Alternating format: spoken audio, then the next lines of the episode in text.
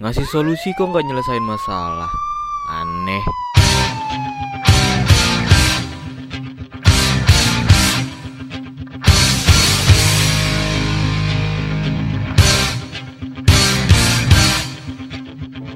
Ya selamat datang di podcast Pol PP Politik pakai podcast. Politik, politik numpang banyak. Sebentar. Ada masalah nih Om. Ah, ada dong. Asik. Bisa bisa bisa bisa bisa. bisa. Wah, lanjut Mas Ariel. Ya jadi eh, ini podcast bentukan dari eh, kita bertiga. Jadi salah satu tugas dari salah satu matkul yaitu critical and creative thinking, di mana memang mengharuskan kita buat bikin podcast gitu. Dan di eh, podcast perdana di episode perdana kali ini eh, kita bakal bawain eh, pembahasan mengenai Otsus Papua yang berjudul Apakah Otsus Papua ini telah berjalan dengan efektif? Asik. Iya, iya. Boleh, boleh, boleh, boleh, boleh. boleh. Masuk, masuk. Efektif atau tidaknya mungkin. Ini sebelumnya kita belum kenalan ya? Belum. Kenalan dulu dong. Oke. Jadi uh, podcast ini ada terdiri dari tiga orang, yaitu gua yang pertama Ahmad Aryo Zidan. Panggil gua Aryo aja ya kan? Yang kedua ini ada teman gua dari jauh-jauh dari Parung, Wisnu Triwi Parung ya. Eh, bukan. Bukan, Wisnu Triwi Bowo. Ah, Oh. Nama Jawa coy. Karena saya Sunda Jawa. Dan satu lagi eh, campuran Batak Cengkareng. The Lord of Cengkareng ya. Aduh, jadi gak enak. Rolando Michel. Aduh, salam kenal semua. Iya. Salam ke Kayak dia mau kenalan aja sama dia. Namanya yang kenal sama Oke, lanjut. Oke lanjut ya. Ya ngomongin Otsus Papua nih sebelumnya eh, kayaknya perlu kita ketahuin dulu nggak sih kayak Papua tuh Otsus Papua tuh kayak gimana gitu latar belakangnya kayak gimana gitu. Jadi seperti yang kita tahu bahwa eh, ketimpangan pembangunan di Indonesia pada Papua ini khususnya pada masa Orde Baru eh, telah melahirkan berbagai permasalahan bagi berbagai aspek kehidupan masyarakat di Papua. Permasalahan sosial, ekonomi, politik, bahkan budaya di Papua telah berperan besar dalam menyengsarakan kehidupan masyarakat Papua gitu. Nah, hal tersebut pada akhirnya justru bermuara pada konflik yang terjadi di Papua serta eh, desakan untuk eh, memerdekakan diri dari masyarakat Papua yang semakin intensif gitu tiap tahunnya.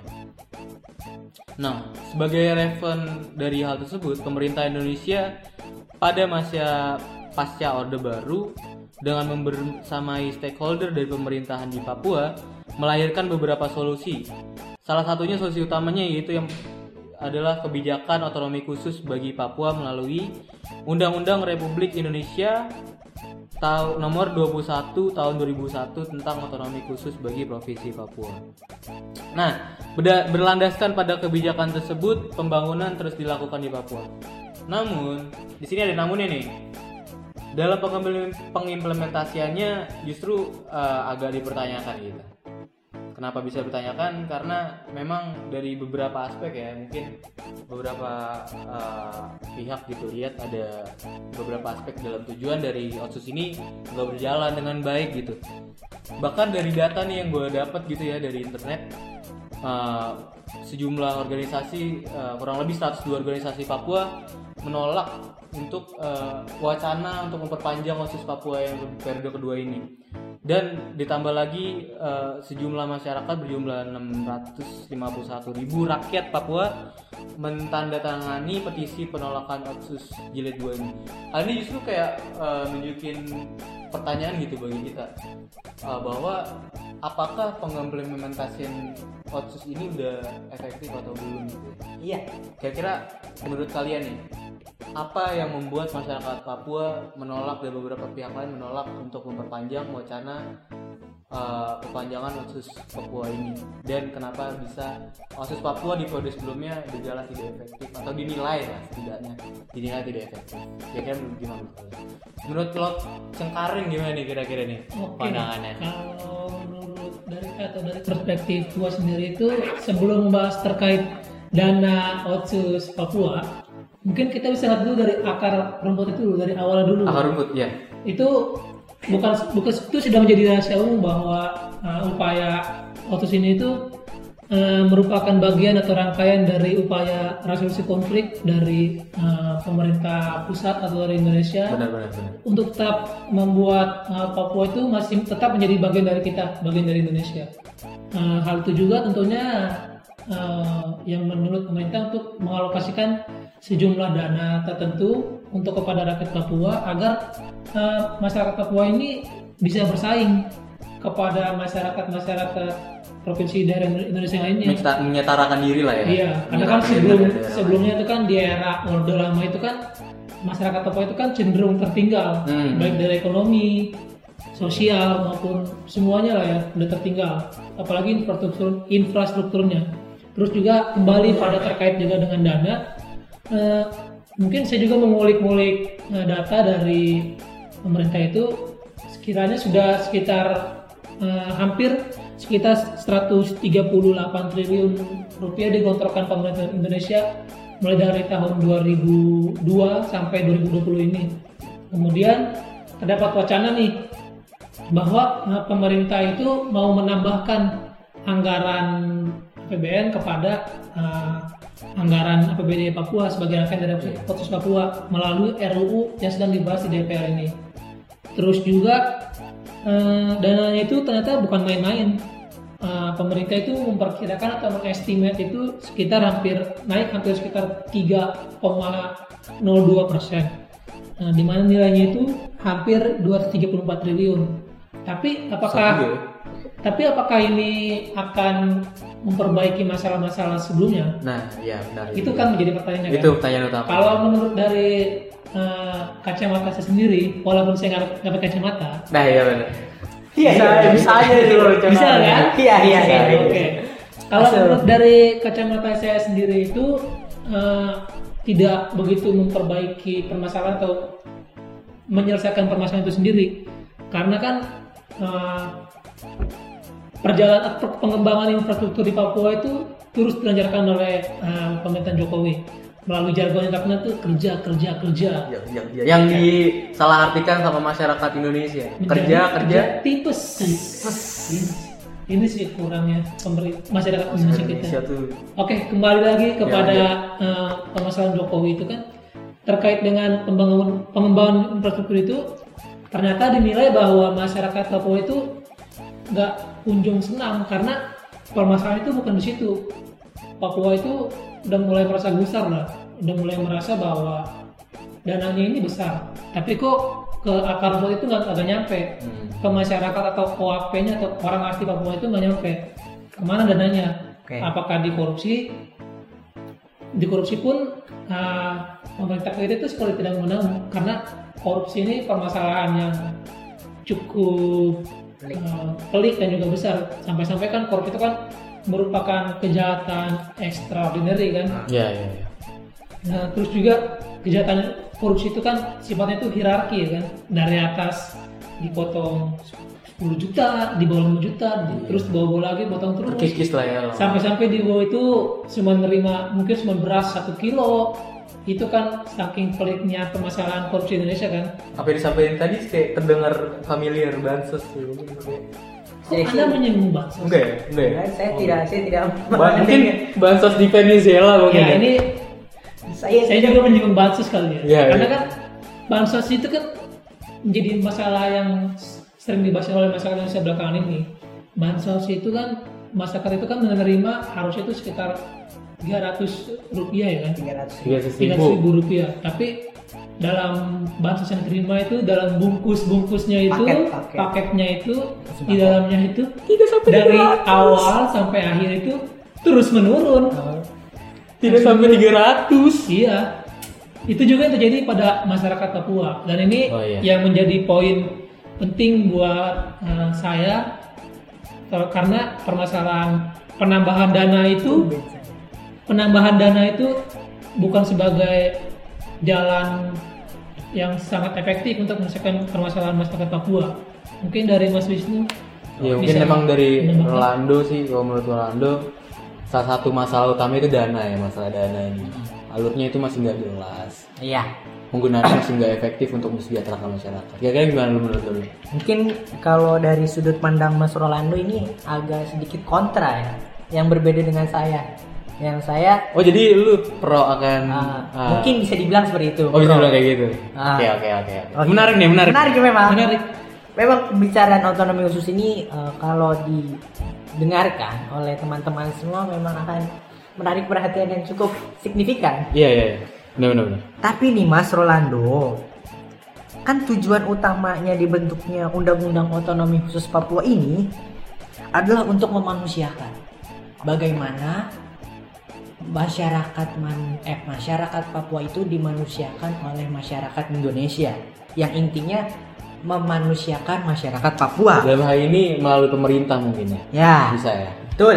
Nah, prinsip dibentuknya otonomi khusus itu kan untuk memperlakukan Papua masyarakat Papua lebih baik daripada eh, era dulu mungkin ya yang bisa tidak bisa disebutkan. Yang era dulunya teman-teman mungkin paham lah. Saya tidak berani menyebutkan. Bismail in general ya. Ya, mungkin bisa dibilang seperti itulah. Nah, ini kan eh, apa ya? Prinsipnya ini agar masyarakat Papua dapat menikmati pembangunan. Eh, pembangunan yang merata, terus eh, pelanggaran HAM dapat diminimalisir gitu kan. Intinya dari Boleh prinsip saya sanggah mas? Tahan dulu. Tahan dulu. Tahan dulu. Mas. Sabar, Mas. Nih, nonton saya suka nih semangat ini. Ah, iya, iya. Dia dia dia sangat Ini- sangat menggelora sekali nih. kan tapi kan intinya nih mas yang saya tekankan dalam undang-undang otonomi Papua ini agar memanusiakan mereka sehingga menyatu dengan Indonesia intinya itu kan ngomong-ngomong mengenai dana nah dana ini nih memang memang agak sensitif nih yang walaupun Mas Rolando tadi bilang berapa ra- berapa ratus triliun ya ini 148 eh 138 triliun Nah, namun dari dari perspektif pemerintah, pemerintah itu menegaskan melalui eh, Pak Mahfud selaku Mahfud siapa tuh? Mahfud MD. Oh Mahfud ya. Saya kira Mama Muda. Oh, Iya. Mahfud udah. Bisa aja nih Mas Rolando, saya pukul boleh. Lanjut lanjut lanjut. Lanjut ya. Nih, eh, pemerintah melalui Pak Mahfud MD menegaskan bahwa hubungan Papua dan NKRI itu sudah final, tidak bisa diganggu gugat dan akan dipertahankan dengan segala apa pun. Eh, baik dari sosial, ekonomi, politik dan keuangan walaupun itu akan banyak. Nah, untuk mendukung argumennya tersebut, pemerintah selaku presi- eh, presiden selaku pemerintah mengeluarkan peraturan presiden nomor 20 tahun 2020 tentang tim koordinasi terpadu percepatan pembangunan kesejahteraan di Provinsi Papua dan di Provinsi Papua Barat serta membentuk tim hukum untuk melaksanakan penelitian penggunaan dana otsus. Nah, memang dalam realitanya sekarang eh, penggunaan atau pembangunan di dana otsus di Papua ini masih belum efektif. Namun itu disebabkan oleh beberapa faktor, Mas. Atau bisa kita disebut oknum lah. Karena ada oknumnya gitu ya. Ada oknumnya, nggak mungkin dong. efektif Ah, dana ini. Tidak semua manusia itu kan buruk. Tidak semua pemerintah itu kan buruk bisa kita lihat. Iya iya. iya. Nah, yang pertama itu keamanan yang tidak kondusif. Nah, dengan keamanan keamanan yang tidak kondusif ini menyebabkan eh, pengimplementasiannya agak berkurang. Yang kedua, korupsi, Mas. Korupsi yang Mas singgung di awal tadi memang benar adanya, itu fakta di lapangan. Jadinya memang eh, belum adanya integrasi sejumlah program pemerintah di masyarakat Papua ini. Maka dari itu, eh, saya melihatnya nih ya, pemerintah itu ingin kepada seluruh masyarakatnya, baik masyarakat Papua atau masyarakat eh, di luar Papua itu sendiri, melakukan pengawasan terhadap penggunaan dana otsus ini, Mas. Jadinya bu- tugas kita semua lah dalam penggunaan dana apa pengawasan penggunaan dana otsus ini. Nah, mungkin itu aja Mas kalau untuk dana dari saya. Untuk selanjutnya mungkin Ada faktor lain nggak sih kalau ada menurut- faktor lain mungkin Mas. Apa aja sih? kalau kalau kalau menurut Mas Wisnu apa? Mungkin eh, faktor selanjutnya adalah inkonsistensi pemerintah. Pemerintah daerah dan pusat mungkin. Nah, ya? mungkin itu. Saya saya juga melihat sih memang nggak ada konsistensi gitu dari pemerintah pusat maupun Indonesia. Kira-kira di pandangan Mas Wisnu gimana? tentang dari Mas Roland dulu Roland dulu dari ya, boleh kontrak. Kalau dari saya sih pengen sebelumnya sih pengen menyinggung yang dipaparkan oleh Mas Wisnu tadi dulu sih terkait Oh iya, boleh, dengan boleh, boleh. keamanan. keamanan Keamanan itu kan berbicara maksudnya kalau masyarakatnya itu sudah disejahterakan, tidak mungkin keamanannya menjadi se- se- sedemikian runyam ya kan. Mungkin ini yang harus menjadi PR dari pemerintah itu, sendiri. Apakah otsus itu perlu diperpanjang atau tidak? Terus juga terkait dengan inkonsistensi, saya setuju karena masyarakat eh masyarakat maksudnya pemerintah pusat ini cenderung gimana ya kalau dibilang cenderung cuma lempar-lempar aja yang penting ada usaha untuk untuk menye, untuk menyetrakan Papua melalui uh, ot- dana otsus ini kemudian dilempar dilempar sehingga dalam hal ini pengawasan dari pusatnya itu cenderung tidak ada sehingga i- pemerintah itu cenderung inkonsistensi terhadap program mereka itu sendiri jatuhnya lebih kayak syarat administrasi aja ya Iya. Iya. Meskipun uh, berbagai media itu berusaha membangun bahwa pemerintah itu selalu berupaya untuk konsisten terhadap program-program terkait dengan dana otsus Papua. Tapi kan saya itu harus terpandang skeptis juga terhadap hal itu karena mengingat banyak media-media itu yang diisi oleh orang-orang yang dekat dengan pemerintah sehingga dalam hal ini apa yang dibangun apa yang dikonstruksikan oleh media itu cenderung pro terhadap pemerintah ya ini yang harus dilihat dari lapangan sih ya. Karena kan kalau lihat dari lapangan walaupun saya bukan orang asli Papua saya dari eh, Indonesia Barat dari Pulau Sumatera dalam hal ini saya juga dapat melihat dari berbagai eh, liputan-liputan jurnalistik yang berada di lapangan itu melihat bahwa masih banyak nih permasalahan-permasalahan masyarakat Papua yaitu berangkat dari uh, inkonsistensi dari pemerintah itu sendiri masih banyak masyarakat Papua yang katanya dibangun infrastruktur tapi masyarakat Papuanya itu nggak dibangun. IPM itu masih rendah. Masyarakat yang apa yang buta baca atau buta huruf itu masih sangat rendah. Itu sih menurut saya sih. Ya akhirnya kita bermuara pada kualitas sumber daya manusia yang kurang baik gitu ya buat masyarakat iya Papua. IPM sih. Dan ini juga akhirnya berujung pada tidak uh, setara gitu ketimpangan pun tetap terjadi dengan daerah-daerah lain di uh, Indonesia secara sumber daya manusia kira-kira menurut perspektif Wisnu gimana nih Mungkin kalau terkait inkonsistensi membahas pemerintah? in inkonsistensi ya, ini mungkin eh, rasa cemburu mungkin mas. cemburu cemburu gimana Mas? antara orang masya antara orang Jakarta dengan orang masya- orang Papua.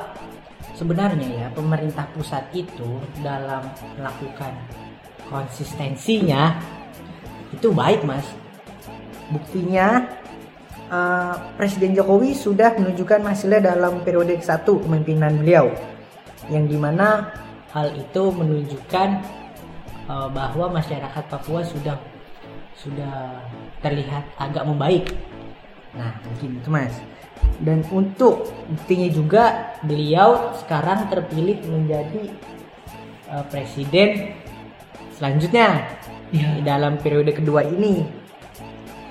Eh, dan dalam di dalam pemerintahannya pun ini eh, sangat mendukung eh, kebijakan otonomi khusus baik dari segi ruang kementerian atau lembaga pemerintah pemerintah provinsi Papua dan Papua Barat serta semua stakeholders yang mencintai tanah Papua Mas. Jadi kalau menurut saya ins- in- inkonsistensinya ini mungkin hanya rasa cemburu Mas.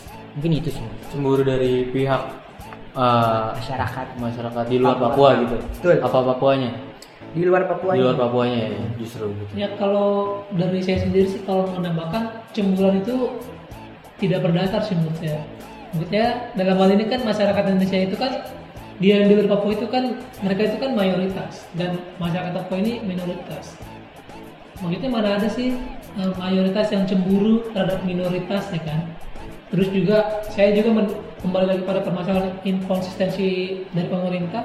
Saya itu melihat bahwa eh, elit politik itu atau pemerintah itu cenderung eh, melempar-lempar akar permasalahan. Seperti yang saya lihat dari eh, Ibu Sri Mulyani itu dia tuh menilai bahwa permasalahan 20 tahun otsus di Papua itu dari tata kelola pemerintahan pemerintahan daerah Papua itu sendiri.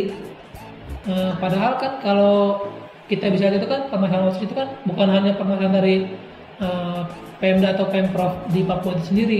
Itu juga menjadi tanggung jawab dari pemerintah pusat dan juga eh, dari dari lingkungan-lingkungan militer politik yang ada di Indonesia. Lalu kalau dibilang cemburu, menurut saya nggak nggak banget sih, karena kan banyak juga tuh mahasiswa-mahasiswa afirmasi di Papua itu mendapatkan hal-hal yang tidak pantas di lingkungan masyarakat karena mereka itu berbeda karena mereka itu eh, warna kulitnya atau mungkin dari hal-hal yang lain kalau dibilang cemburu akan dana nggak nggak banget sih kalau menurut saya sih. Ya mungkin memang eh, ada perbedaan lah ya. Perbedaan pendapat mas Iya, wajar. wajar. Maksudnya memang keduanya menurut saya juga masuk akal sih. Maksudnya memang uh, dari luar Papua mungkin ada mungkin bisa gitu. Ada rasa cemburu karena ada perlakuan khusus gitu ke Papua dan dari Papua sendiri. Seperti yang kita tahu bahwa ketimpangan ini justru uh, menyudutkan Papua dan justru menempatkan Papua justru di bawah di daerah-daerah lainnya. Nah, terlepas dari dua, dua masalah utama tadi, sebenarnya ada masalah utama yang menurut saya jadi eh, akar sekaligus eh, menurut saya ranting gitu dari dari kebijakan otsus ini. Apa yaitu masalah pelanggaran HAM. Kenapa sih bilang pelanggaran? Kenapa? Soal- soalnya seperti yang kita tahu bahwa seperti yang dijelaskan tadi juga Otsus ini sebenarnya kan juga menjadi bentuk respon dari pemerintah akan pelanggaran HAM yang terjadi di masa lalu.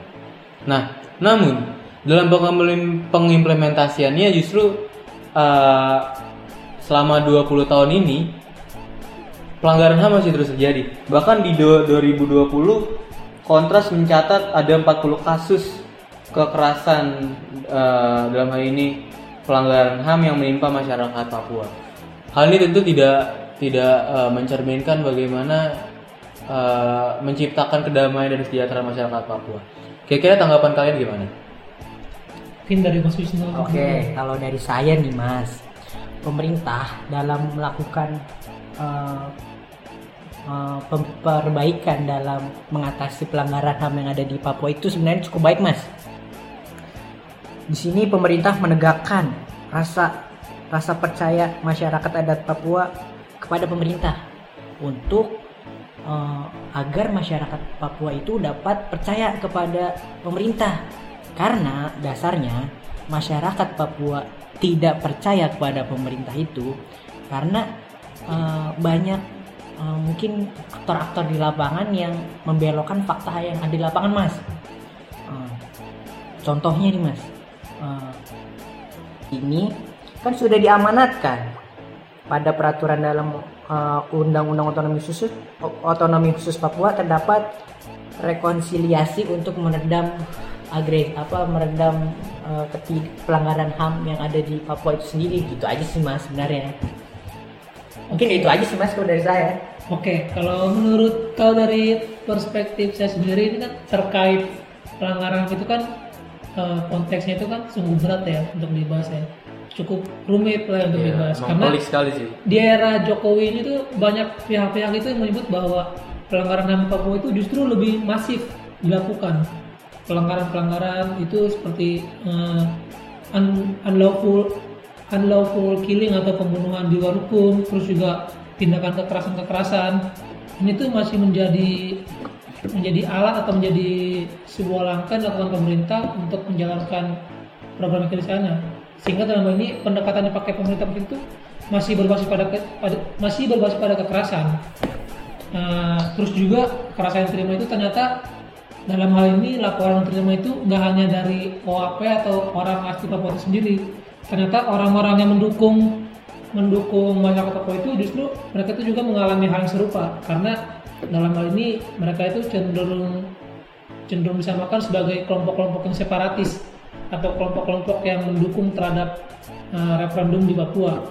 Ini menjadi masalah klik buat kalian. Terus juga hal yang menjadi penting yang masih hangat dibahas sebelumnya itu adalah uh, blokir internet yang dilakukan pemerintah kepada Papua ya kan. Iya, yang baru-baru ini terjadi. ya. Nah, banyak pihak itu melihat bahwa itu adalah sebuah pelanggaran HAM, ya kan?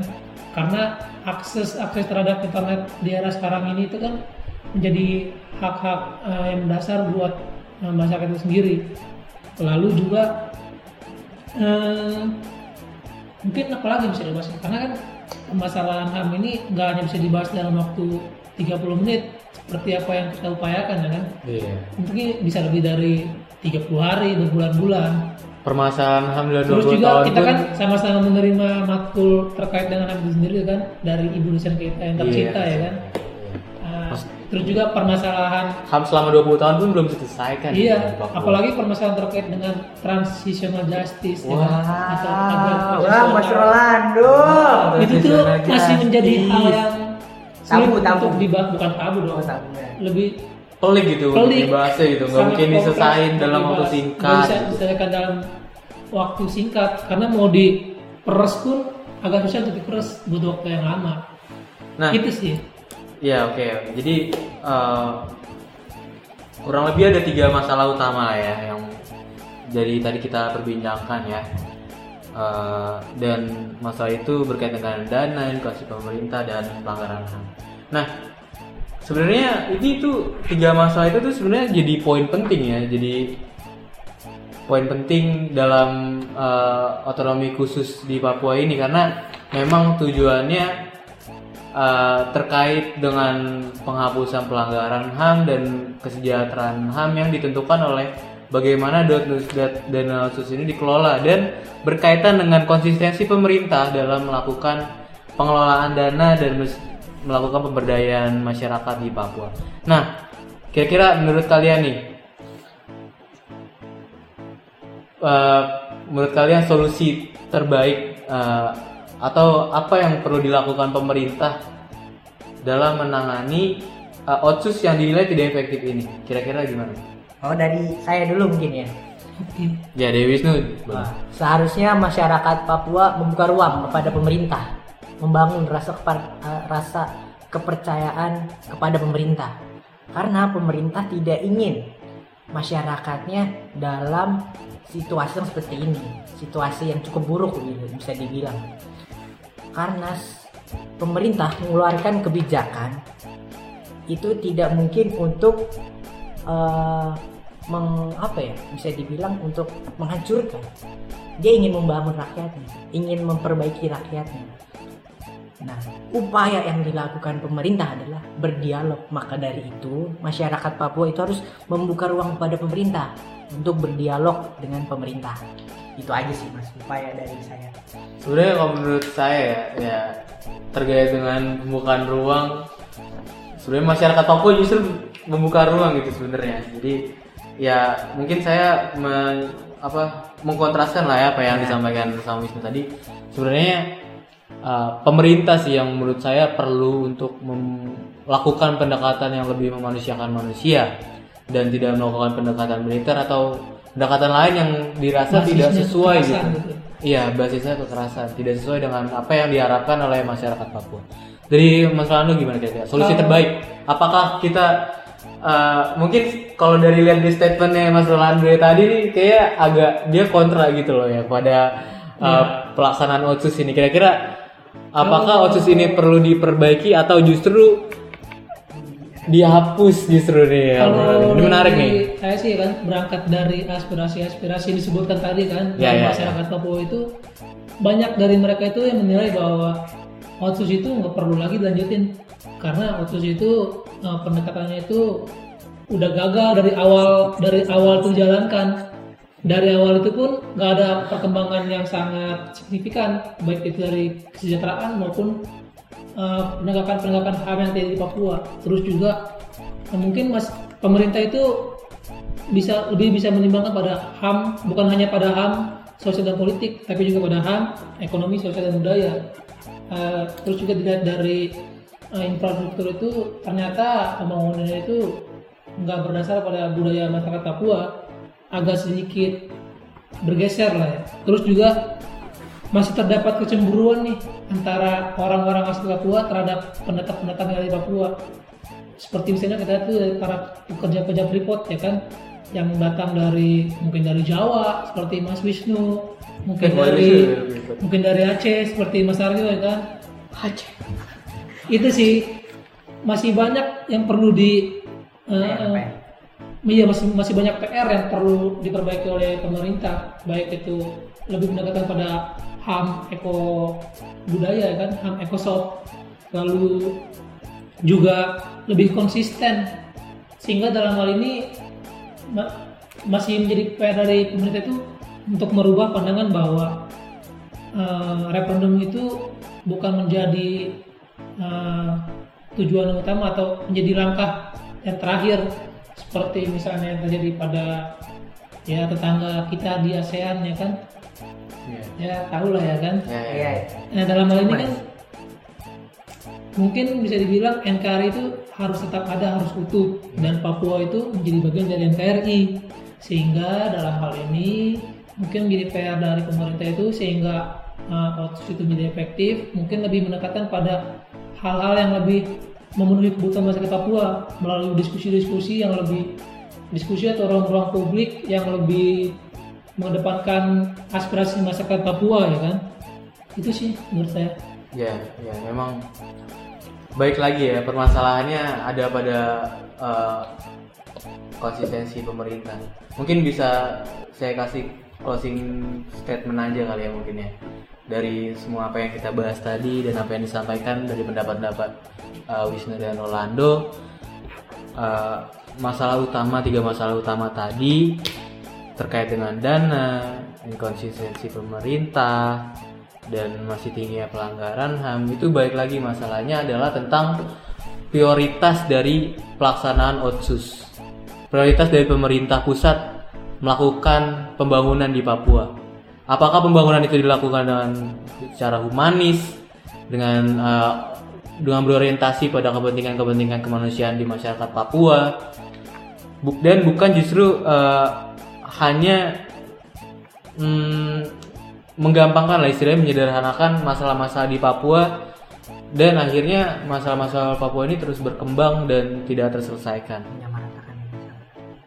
Ya, pemerintah pusat memiliki PR besar gitu dalam melakukan pembangunan di Papua ini. Eh, dari apa yang disampaikan tadi mungkin Otsus bisa dilanjutkan namun dengan PR memperbaiki permasalahan-permasalahan utama tadi agar pemerataan dari eh, masyarakat Papua dengan masyarakat lain dapat eh, terwujud gitu dan eh, menurut Mas Rolando tadi itu menjadi PR yang agak sulit gitu bagi pemerintah dan akhirnya eh, memerdekakan diri menjadi sesuatu yang men- sesuatu yang normal gitu untuk dilakukan oleh Papua gitu. Untuk mm, menjadikan Papua menjadi sesuatu yang eh, daerah yang maju dan terbangun gitu istilahnya. Dan mungkin itu aja itu aja ya yang bisa kita bahas gitu agak ini. bisa sih kalau dibahas dalam waktu cukup Bener bener pendek, bener. kan? Masalah Papua tuh memang kompleks banget apalagi kompleks. masalahnya tuh kayak kebijakannya itu tidak terwujud gitu. Dia seperti tujuan-tujuannya gitu. membahas utang-utang negara kita ya kan wah hutang negara. Emang negara ini punya hutang.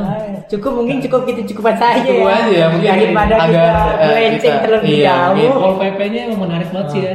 Terima Takut- kasih Pol PP sebelumnya untuk para pendengar. Pol PP dalam hal ini politik pakai podcast bukan Pol PP yang lain ya. Oke? Oke. Bukan ya sebelum coklat-coklat sebelum Rolando sebelum Rolando eh, ditangkap sama tukang bakso ya. Wah, Dia yang ciduk coklat-coklat tukang bakso mungkin eh, kita tutup aja kali ya. Oke dari Pol PP ini eh, gue cabut. Wisnu Triwibowo cabut. Rolando cabut. Selamat eh, menunggu untuk episode berikutnya di Politik Pakai Podcast. Politik, politik numpang tanya. Sebentar. Ada masalah nih, Om. Halo.